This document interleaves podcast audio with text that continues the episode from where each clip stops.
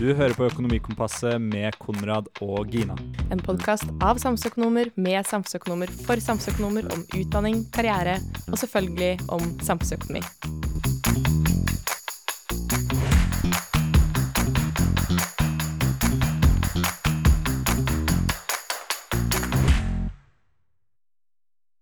Velkommen til Økonomikompasset med Konrad og Gina.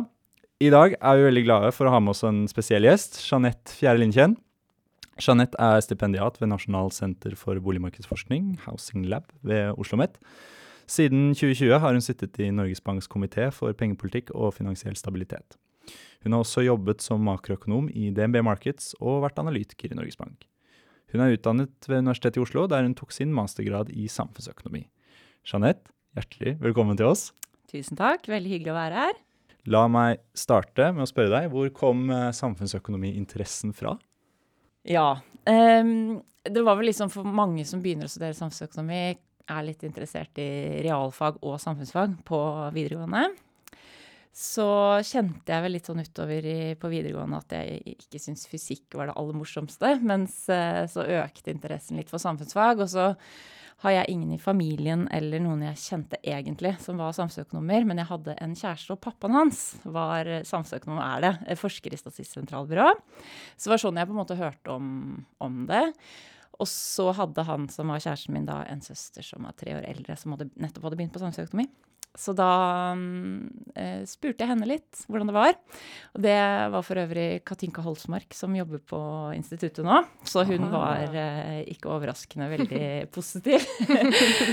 eh, så, men jeg var litt sånn Jeg var redd for at det var litt for vanskelig, og at jeg ikke kom til å klare det. Og, men Katinka var sånn Ja, nei, men det går helt bra. Du må bare jobbe fra åtte til fire. Eh, og jeg, yes, jeg hadde jobbet litt etter skippertaksmetoden frem til det, så jeg syns det var litt voldsomt. Men eh, jeg tror det var et godt uh, råd. Uh, ikke på en måte at man må sitte klistra til bøkene i åtte timer i strekk, men at man skal jobbe jevnt og trutt. For det er jo et fag som er ganske metodisk. Uh, det, man må liksom øve på metodene. og det syns jeg er veldig gøy. Jeg har ikke angret på at jeg valgte det, men det, det, tar litt tid. Og også sånn konseptuelt, da, så er det jo en del sånn modning. Så, så jeg tok med meg det rådet, og har ikke angret da, på at jeg valgte samfunnsøkonomi. Ja, Det høres ut som du var, var du en flittig student? Ja, det vil jeg ja. si. Jeg var på Blindern klokka åtte og satt i gang. Så ja, jeg var, jeg var ganske, ganske, opptatt av at jeg skulle jobbe jevnt og trutt. Og jeg var nok også litt sånn bekymret for at det ikke skulle bra, gå bra og, og sånn. Eh, så jeg var ikke blant de som på en måte At det tok seg opp utover i masteren. Jeg var fra start. så var jeg veldig seriøs. Men hva var det du syntes var Var det var mest gøy, og mest, kanskje mest slitsomt å jobbe med?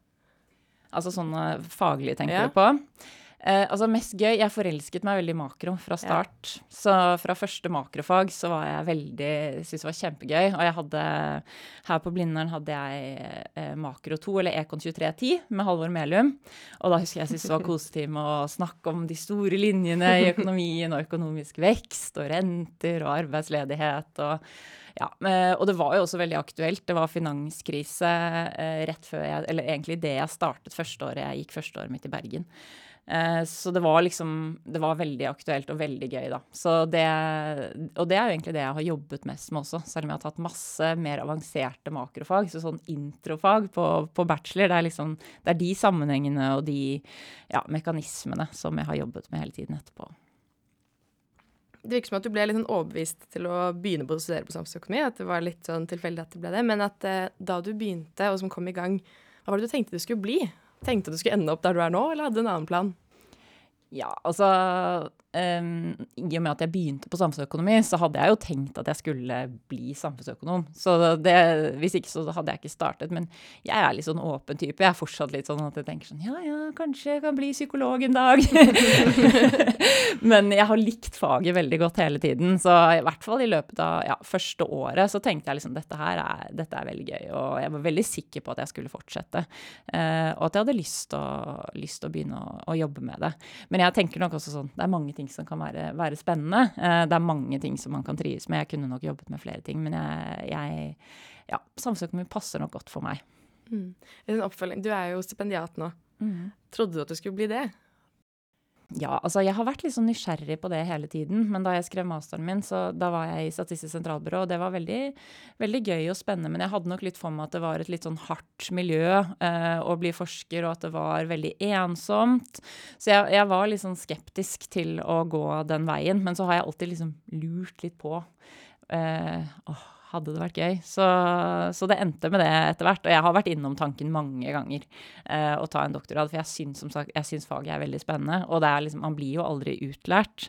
Og det er også mer og mer data tilgjengelig, som gjør at det å lære seg å behandle data er veldig viktig uansett om man skal drive med forskning eller andre ting. Så det har jo jeg fått muligheten til nå, da, å sitte og fordype meg, bruke masse tid. Mens når man er i en jobb, så må man ofte, har man mange, mange løpende oppgaver, så det haster litt mer, da. Mm. Ja, du sier jo du hadde veldig engasjement for faget tidlig, men uh, til de som studerer nå, og, du, og sett ut fra der du er nå i karrieren og utdanningen din, er det en ting du skulle ønske du visste som samfunnsøkonomistudent før du begynte, eller tidlig i løpet? Ja, altså mm, Hvis det er sånn en ting jeg kunne gjort annerledes, da, det er ikke sånn rent faglig, men uh, jeg, jeg, holdt veldig på for meg selv veldig mye. Så jeg var veldig flittig student, men jeg satt mye og leste selv. Eh, så jeg skulle nok ønske at jeg hadde vært litt mer på å snakke med andre. fordi det har jeg lært meg mer og mer, at man, man lærer veldig mye av det.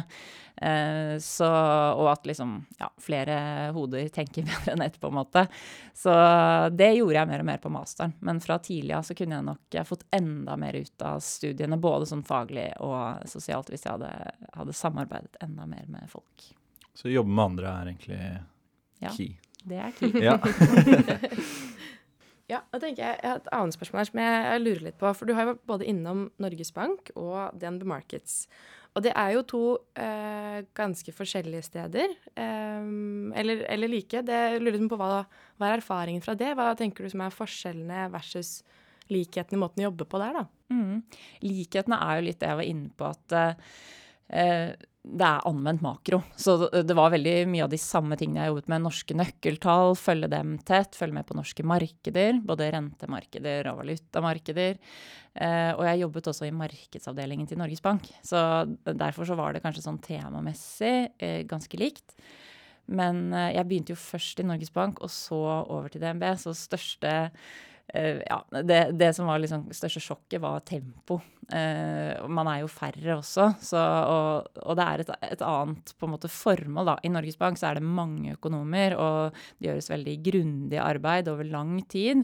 Uh, og sånn må det være. Det er jo også viktige beslutninger som skal tas på grunnlag av de analysene. Og det gjøres også grundige analyser i DNB Markets, men der skal man serve kunder mye raskere. så ofte så var det behov for at jeg skulle ha sendt ut en kommentar 20 minutter etter at et arbeidsledighetstall hadde kommet, f.eks. Så det er veldig, veldig hektisk da. Eh, og også mye mer selvstendig.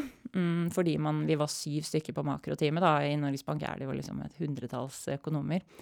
Så jeg ble kastet ut i ting veldig tidlig. Alt fra kundemøter alene, og de hadde veldig tillit til meg. Så det, det vokste jeg veldig mye på, da. Men det var jo også litt sånn skremmende, og bare noen måneder etterpå så var det snakk med media, ikke noe filtrering eh, rett ut i avisen. Så også mer utadrettet, da, så, eh, enn Norges Bank. I Norges Bank så holder man seg jo litt sånn på innsiden av veggene, fordi det er jo viktige beslutninger som skal tas, og da skal det kommuniseres helhetlig osv. Mens i DNB Markets er jo en viktig del å kommunisere lære hele tiden. Eh, de analysene man gjør løpende. Så mm, begge deler er veldig, veldig interessant. Eh, og, men, men, et mye høyere tempo i, i DNB. Hvilken eh, arbeidsmetode passer deg best, da? Jeg liker, jeg liker, begge deler. Det som var fordelen med dette, Man følte alltid man hadde gjort noe. Jeg syns det er deilig å liksom kjenne at ja, ja, nå har jeg sendt ut dette før klokken åtte om morgenen, på en måte. Så, og man lærer jo veldig mye når man kan jobbe sånn i bredden. Så jeg fikk jo innsikt i veldig, veldig mye forskjellig. Mens i, DNB, nei, i Norges Bank så, så er, blir man jo mer spesialisert ofte, da. Så jeg har fortsatt ikke landet helt. Nå er jeg jo tilbake til en veldig sånn spisset uh, forskervei. Jeg syns begge deler kan være veldig, veldig morsomt. Så vi får se hva fremtiden bringer. Vi må jo spørre litt om, eh, om komitéarbeidet ditt. For du er jo ett av fem medlemmer i Norges Banks komité for pengepolitikk og finansiell stabilitet. Eh, som har i oppgave å sette styringsrenten. Og Der sitter du sammen med sentralbanksjef Ida Wolden Bakke, de to visesentralbanksjefene og professor Ingvild Almås. Kan du fortelle oss om rollen din der, og hvordan dere jobber under renteprosessene? Mm. Det er ikke sånn at vi fem sitter der og koker sammen. og så I prosessen så er det veldig veldig mange involverte som jobber i, i Norges Bank. Så det er jo åtte rentemøter i året. Fire av dem med eh, pengepolitisk rapport og nye prognoser fra Norges Bank. Og det er ganske mye arbeid i forkant av publiseringen av de beslutningene. Så nå f.eks. skal vi møtes i morgen 1.9., og så er det da tre uker til den rapporten og beslutningen um, presenteres. da. Og da begynner det med at vi får masse, masse analyser presentert på et langt, langt heldagsseminar. Og så har vi ofte fire stasjoner hvor vi, hvor vi møtes, og også flere møtedeler hvor komiteen er enda mer involvert.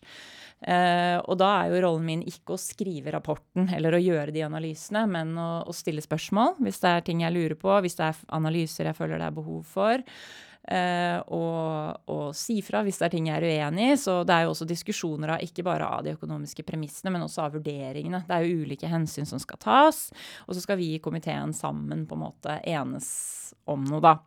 Uh, så da kan det være at vi er mer eller mindre uenige og, og diskuterer oss uh, frem til noe. Så det er veldig, ganske lange og grundige prosesser hvor det er veldig mange involverte, og hvor også vi får en tilrådning fra administrasjonen om hva vi, hva vi skal gjøre. Uh, og rollen er jo litt sånn det er mange som, eller det er flere land i hvert fall, som har komiteer med bare interne medlemmer. Mens her har man da valgt å ha to eksterne. Og det er ikke gitt at man må ha det. Men tanken var vel litt da denne komiteen ble opprettet og da den nye sentralbankloven kom, at man skulle ha en slags sånn kontrollfunksjon. Da. Fordi når folk sitter sammen i samme miljø, så kan det oppstå noen form for gruppetenkning eller noe sånt. Nå, at det er noen som sitter litt på utsiden og kan kanskje se ting med, med litt andre øyne. Så jeg føler det er ikke noen sånn rolle, Jeg er ikke noen sånn kranglete type, så, men, men, rollen er på en måte å stille spørsmål og si fra hvis man er uenig. Eh, så det er det jeg har som ambisjon da, i, i komiteen. Det fører meg egentlig litt over på nest, et oppfølgingsspørsmål jeg har tenkt på. fordi at uh, Du nevner dette med at noen har interne, eller med, kommenterer med kun interne medlemmer, mens andre har også eksterne. Og Da du selv ble åpnet, så var det jo noen økonomer som trakk fram at du har nærhet og kunnskap om markedene og at det kanskje var viktig for å sikre en faglig bredde. Er det din sterkeste side i komitéarbeidet, vil du si? eller? Jeg tenker i hvert fall at eh, kunnskap om markedene er veldig viktig. da. Det, eh, finansmarkedene det er jo både markeder som pengepolitikken virker gjennom, og det er også markeder som spiller inn på makroøkonomien. Så kunnskap om det er veldig viktig. Og så er det jo veldig mange i Norges Bank som har god kompetanse på det. Og nå er jo også komiteen annerledes satt sammen enn det den var da. Så det er også mange i komiteen som har, eh, har god kompetanse på det både nå og da. Um, så jeg vet ikke om det er på Jeg tenker at det viktigste for meg Jeg har jobbet med veldig mange forskjellige ting. Det er at jeg stiller spørsmål der, der jeg har spørsmål, og jeg kommer med innspill der jeg har innspill. Og det kan være på markeder, men det kan jo også være på boligmarkedet og ting som er relatert andre saker relatert til finansiell stabilitet, som jeg har jobbet mye med. Og jeg har også jobbet mye med norsk økonomi. Så jeg tenker sånn Jeg, jeg tenker ikke spesielt på det, men det er helt klart en viktig del av, av totalbildet. Ja, og du, eh, du nevnte dette med finansiell stabilitet. For Norges Bank har jo, skal både sikre liksom, lav og stabil inflasjon, og så skal de sikre finansiell stabilitet. Um, kunne du på en måte forklart kort uh, hva finansiell stabilitet er, og litt sånn hva, hvilke hovedvurderinger som gjøres, da, i korte trekk? Ja. ja. finansiell stabilitet. Det ligger jo litt i ordet der, på en måte stabilitet i det finansielle systemet. Så det handler om at det finansielle systemet skal fungere og være robust også mot forstyrrelser. da. Fungere både i normaltid og hvis det skjer noe uforutsett. Og da tenker du på de kommersielle bankene, betalingssystemene, disse tingene opprettholdes. Det er finansiell stabilitet. Ja. ja, så betalingssystemet er en viktig del av det. Banksektoren er veldig viktig, veldig viktig i Norge for å yte kreditt. Uh, så, så, ja. Uh, og, så kan man tenke på det. Det er jo et litt, litt sånn ullent begrep. Hva betyr det egentlig? Uh, så man kan, ikke for å komplisere det for mye, men tenke på det som et slags produkt av sårbarheter. Det kan f.eks. være høy gjeld i husholdningene. Sårbarheter i økonomien eller det finansielle systemet. Og risiko for forstyrrelser. Så begge disse to faktorene kan være med på å drive opp risikoen for finansiell ustabilitet. Da. Um, og Norges Bank har jo en viktig rolle her. Uh, vi, er jo også bankenes bank, og vi har en viktig rolle når det gjelder betalingssystemet, og at det finansielle systemet skal, skal fungere i normaltid. Um, men vi også Vi deler jo ansvar med Finanstilsynet og Finansdepartementet. Og så har vi noen sånne helt klare oppgaver, da. Kanskje den klareste er jo motsyklisk kapitalbuffer, som det heter. En del av bankenes samlede kapitalkrav, som jo skal gjøre at bankene er robuste. At de har litt å tære på på, sånn at de kan fortsette å låne ut også i tilbakeslag, f.eks. Så med kapitalkrav, da mener du hvor mye egenkapital bankene må ha mm. for å få lov til å drive? Mm. Lovpålagt, rett og slett. Det er rett og slett lovpålagt. Ja. Mm. Uh, og motsyklisk kapitalbuffer er nå på 2,5% så det er, det er, bare en del av den samlede kapitalbufferen som de uh, må ha. Så er det andre institusjoner som er, har ansvaret for andre deler. Men vi har også et formelt rådgivningsansvar på noe som heter systemrisikobuffer. det er veldig sånn intrikat. Det er mange forskjellige buffere. Men det handler bare om Alt handler om at bankene skal være robuste nok til å nettopp tåle tilbakeslag. Fordi f.eks. For uh, under finanskrisen, som jeg nevnte, så kan bankene ha en tendens til å være medsykliske. De låner ut mye når det går bra, og så strammer de inn når det går dårlig, og så kan det forsterke tilbakeslag. Så det er på en måte hensikten å bygge opp et robust banksystem som kan klare seg, som kan fortsette å klare å yte kreditt også når det kommer et tilbakeslag. Og um, sånn, ja, mer sånn formelt, da, så setter vi Vi bestemmer da i komiteen hva nivået på den motsykliske kapitalbufferen skal være fire ganger i året. Eh, og så kommer det også to rapporter i året om ulike eh, temaer knyttet til finansiell stabilitet. Det kan være bankene er et viktig tema. Også disse sårbarhetene. Mye fokus på husholdningssektoren i Norge, hvor, det er høy gjeld. Men det kan også være andre viktige markeder, f.eks. næringseiendomsmarkedet, som også er, er, en av sårbarhetene som Norges Bank har trukket frem da, i de rapportene. Og så er det jo arbeid med dette kontinuerlig, for dette er også en del av pengepolitikken. Så vi skal også bidra til finansiell stabilitet når vi setter rentene og gjennom pengepolitikken. Så eh, vi har alltid løpende oppdateringer på finansiell stabilitetsområdet også i renteprosessene. Vi må snakke litt om en annen viktig del av ditt arbeid. Du er jo som nevnt stipendiat. Du har jo produsert forskningsartikler om boligmarkedet, du har kommentert i media og gjestet podkaster. Um, hvor kom den interessen fra for boligmarkedet? Når oppsto den i din samfunnsøkonomiske reise? Ja, jeg, jeg, tror den oppsto litt i DNB. Fordi eh, der var det veldig mye etterspørsel etter boligmarkedsanalyser. Og så eh, følte jeg det var en jobb å gjøre da, på å utvikle modeller og rammeverk osv. Så, videre. så jeg følte jeg hadde behov for mer kompetanse. Og det var jo også det var I 2016 begynte jeg der. Da var det veldig høy prisoppgang, spesielt i, i Oslo. Så det var, var, veldig mye snakk om dette. Media var også veldig interessert. Og så kom det jo en følgende nedgang senere. Så tror jeg igjen, så Jeg kunne nok uh, tatt en doktorgrad på flere ting. Uh, men da kom Erling Røe Larsen, som er lederen for det forskningssenteret, kontaktet meg når jeg var i permisjon med mitt første barn. Og da passet det timingmessig og, og temamessig. Så, og så hadde jeg jo vært litt sånn ja, litt nysgjerrig på å ta en doktorgrad. Så da ble det, da ble det boligmarkedet. Og, og, det er jo veldig spennende. Det er et, viktig, et av flere viktige markeder i norsk økonomi. Kunne du eh, fortalt litt hva, liksom, hva, er det Housing Lab driver med, og liksom, hva, er du, hva, er det du, spesifikt forsker på da, der du eh, jobber der? Ja, så Housing Lab er jo et sånn eget forskningssenter på boligmarkedsforskning. Nasjonalt senter for boligmarkedsforskning. Eh, og der er vi ikke så veldig mange. Det er to eh, heltidsansatte i tillegg til tre stipendiater. Og så har vi ganske mange tilknyttede forskere som vanligvis er på BI eller i Norges Bank osv.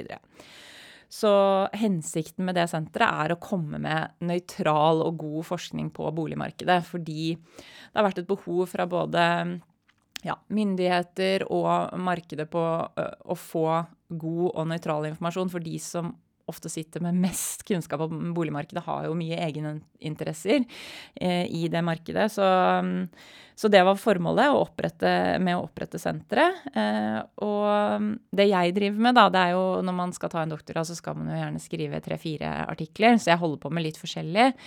Eh, det jeg holder på med nå, er å lage sånne likevekstmodeller for boligprisene i mange forskjellige områder i, i Norge. For å se litt på boligsykler, om man kan eh, prøve å predikere de boligsyklene. Om man går fra en opptur til nedtur, fra boom til bust.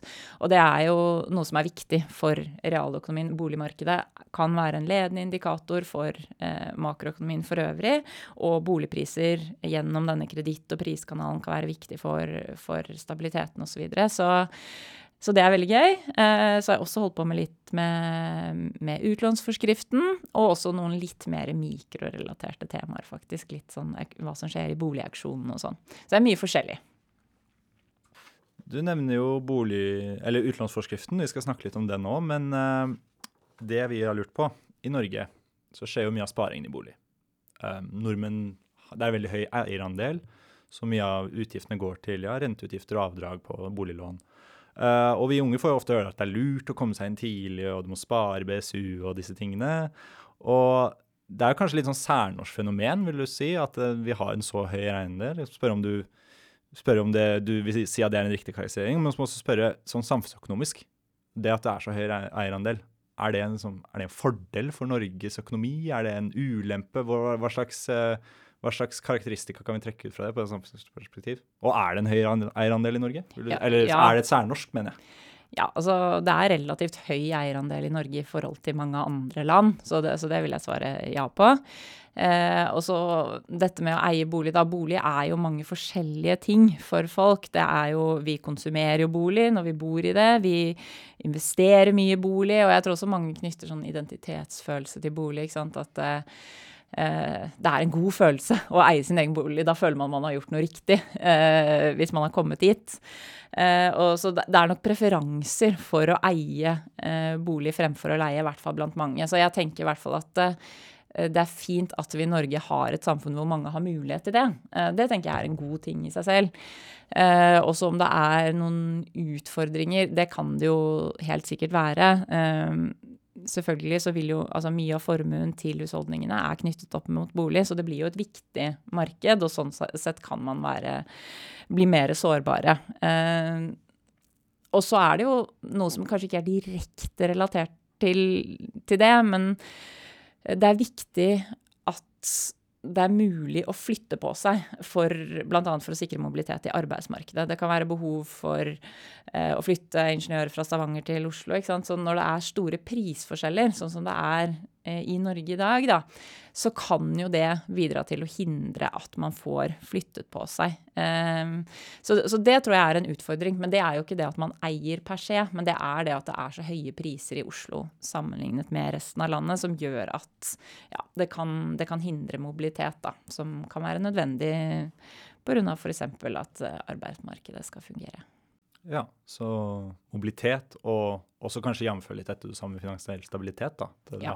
en, er en viktig faktor i den finansielle stabiliteten i Norge, kanskje? Ja, det er det helt klart. Mm. Ja, dette her har jo som dette med at boliglån har vært så, eller bolig har vært så attraktivt, da, har jo hengt sammen med at rentene har vært ganske lave. Nå begynner det å bli litt høyere igjen. Og så eh, er det jo litt sånn Før så ble jo eh, etterspørselen etter boliglån begrenset av boliglånsforskriften, som vi var litt inne på i stad, eller utlånsforskriften, Eh, som sier at du ikke kan låne mer enn fem ganger inntekt. Tenker du at den er like relevant nå hvis renta blir på et høyere nivå, og at prisen på å låne til bolig blir mer normalisert? da? Eh, ja, den utlånsforskriften den kom jo først som boliglånsforskriften mm. i 2015. Og da kom det jo sånn krav til LTV, lån i forhold til boligverdi. Du kan ikke låne mer enn 85% av boligverdien. Altså du må ha 15% egenkapital. Og så ble den strammet inn i 2017, og da kom dette DTI-kravet, da. At du ikke kan låne mer enn fem ganger inntekten. Eller den totale gjelden din kan ikke være mer enn fem ganger inntekten. Eh, og lignende reguleringer har blitt Eh, innført i veldig mange land i etterkant av eh, finanskrisen, hvor man har sett dette med hvor viktig det er å holde litt kontroll på kredittveksten og boligprisveksten. Og etter hvert har det jo kommet litt forskning på det internasjonalt som viser at ja, disse typer reguleringene kan nok være effektive i å hindre at bolig- og kredittveksten blir veldig høy. Samtidig så er jo dette et ganske inngripende tiltak. Det begrenser jo valg, så det er ikke noe man skal ha bare for å ha det. Det er viktig at, eh, det, eh, at det er noen positive sider ved det, og det, det kan det nok være. Eh, men det har også kommet noe forskning på at det kan ha noen bivirkninger. Det er en, en forsker på BI, Ella Getsvold, som har sett på dette belåningsgradskravet, LTV-kravet, som viser at ja, det har den effekten det skal på boligpriser og kreditt, men det har også en effekt på likviditet. Så husholdningene har redusert likviditeten sin, altså penger på bok, rett og slett, penger på konto, eh, som øker sårbarheten. Og kanskje er den effekten enda sterkere. Så dette kan ha bivirkninger når man innfører sånne typer reguleringer. Og det er også en studie fra Irland som viser at der har både sånn LTV og sånn gjeldsgradskrav har gjort at eh, bankene egentlig låner ut like mye totalt sett, men at de vrir utlån fra lavinntektshusholdninger til høyinntektshusholdninger.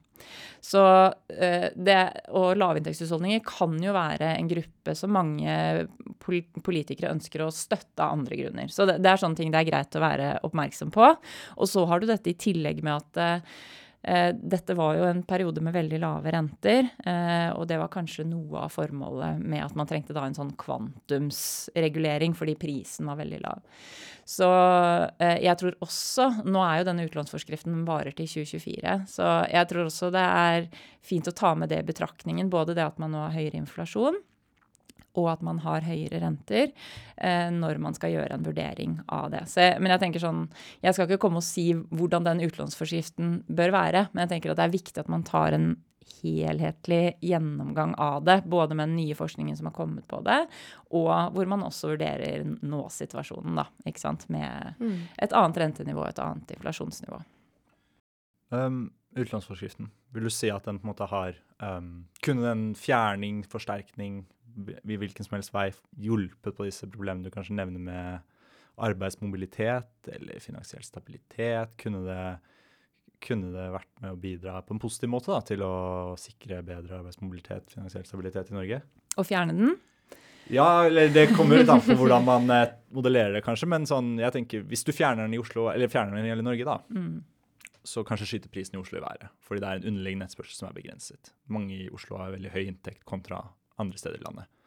Um, så det vil jo være med å forsterke det. da. Skulle vi heller strammet inn? Skulle vi, tatt, skulle vi hatt spesielle reguleringer for Oslo, kanskje? Det noe har det vært noe snakk om disse tingene, eller? Det har jo vært en særnorsk eh, regulering for Oslo. Den, den ble, har blitt endret nå. Det var jo et sånt eget egenkapitalkrav for sekundærbolig i Oslo en periode, en periode på 40% egenkapital. Og så er det jo i tillegg en, en mindre fleksibilitetskvote. da. Bankene kan eh, gjøre avvik fra kravene for 8% i Oslo og 10 i, i resten av landet. Så, så det, det, har det, har det, vært. Men jeg tenker nok eh, ikke sånn umiddelbart at det er det mest egnede virkemidlet for å sikre god mobilitet i boligmarkedet.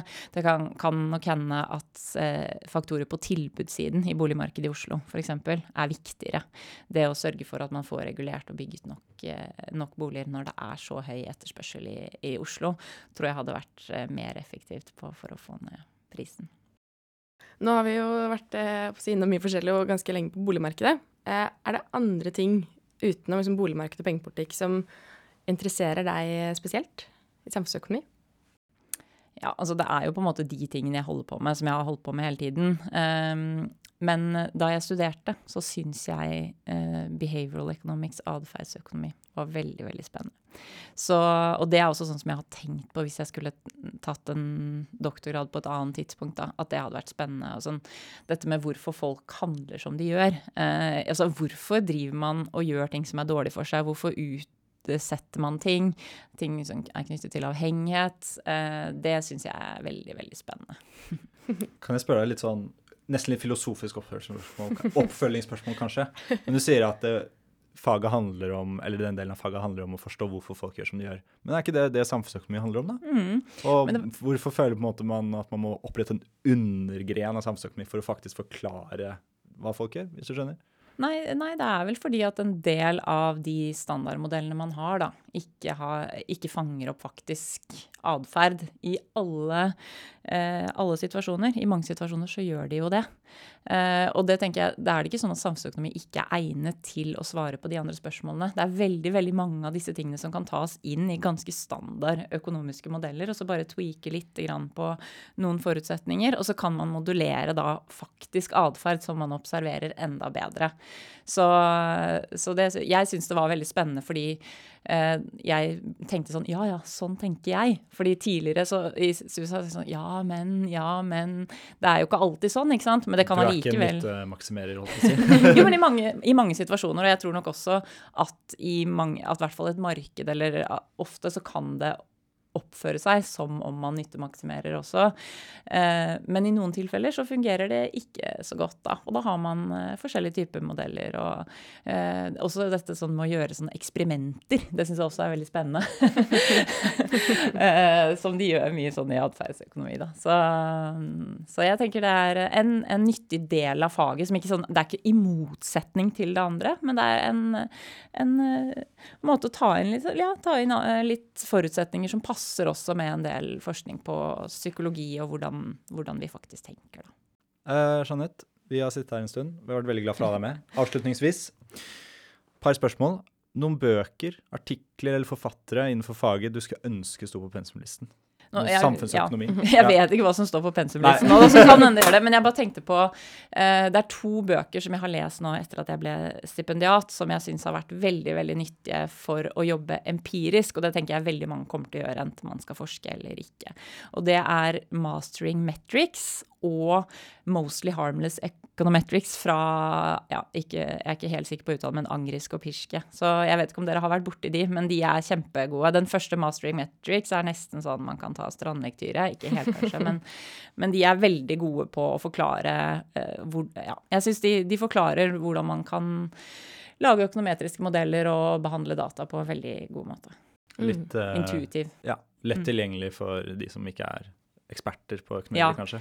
Men jeg vil ikke si det, Altså, det er ganske mye formler og sånn i, i hvert fall den siste. Så eh, hvert fall for meg så fungerer det bedre å sitte og notere litt enn å sitte på stranda når jeg leser de bøkene også, da. Men der er man litt forskjellige. Nei, apropos strandbok, har du et ikke-faglig boktips som eh, man burde få med seg? ja, jeg er ikke noe veldig sånn bokorm, det skal jeg innrømme. Men den boka jeg leser nå, eh, den heter 'Tenk som en munk'. Og det høres kanskje litt eksotisk ut for mange. Eh, og også mye sånn meditasjon og mindfulness. Hva er egentlig det? Men det det handler om, er jo oppmerksomhetstrening. Altså det å klare å holde fokus på ett sted. Eh, og det tenker jeg er kjempenyttig for eh, studenter. Eh, I hvert fall i den tiden vi lever i med veldig mye distraksjoner. Og også i livet generelt, egentlig, da. Eh, men det er en bok med mye sånn øvelser og sånn, så det, det krever litt innsats. Man må, være, man må være litt motivert for å lese den. Men den kan jeg anbefale. Mm, da noterer vi det, så kommer vi til å legge til link, gjør vi ikke det? Til boken? Ja, ja, Vi skal prøve å finne link til kanskje ja, alle tre bøkene. Tenk som en munk av Jai Shetty. Mm. Jai Shetty. Ja. ja. Og Mastering Metrics og Mostly Harmless Econometrics. Mostly har Harmly Econometrics. econometrics. uh, vi kan prøve å finne link til alle tre og legge yes. ut så hvis folk er interessert. Um, ja, du sa jo at da du begynte på samfunnsøkonomi, så var det ja, nå skal jeg bli samfunnsøkonom. Men uh, hadde noen tanker før det om hva det skulle bli? Og hvis, ble, hvis det ikke var samfunnsøkonomi, hva skulle du blitt da? Ja, før jeg begynte, så hadde jeg nok en tanke om ingeniør. Uh, Der gikk timeren vår, men vi holder på. ja. Um, men uh, nå så tenker jeg psykolog. Ja. Det, så jeg er veldig Jeg syns menneskesinnet er veldig interessant. Referer, referer, ref jf. behavioral economics, kanskje? Ja. ja.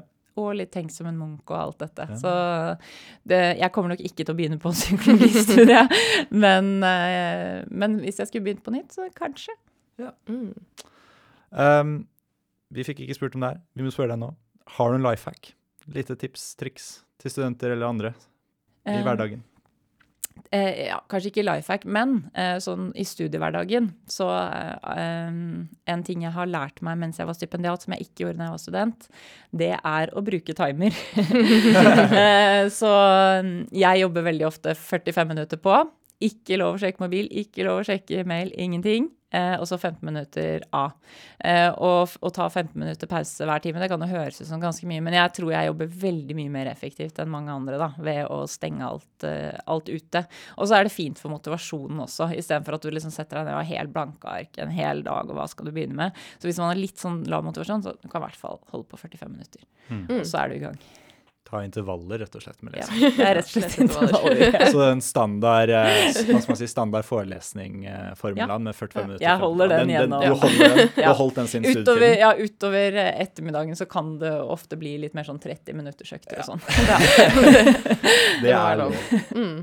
Ja, vi var i mål. Eh, Mhm. Jeanette, tusen hjertelig takk for at du tok deg tid til å komme til oss. Mm. Veldig hyggelig å være her. Og så uh, Jeanette nevnte det så vidt i stad, at i morgen er det 1. september. Det vil si at i dag er det 31. august, innspillingdato. Denne episoden kommer ikke til å slippes før i slutten av september, fordi du skal i ny renteprosess i Norges Bank. Så det er tre uker med jobbing med det. Yes. Starter i morgen. Ja. Da ønsker vi deg masse lykke til, og tusen takk for at du kom igjen. Mm. Takk for meg.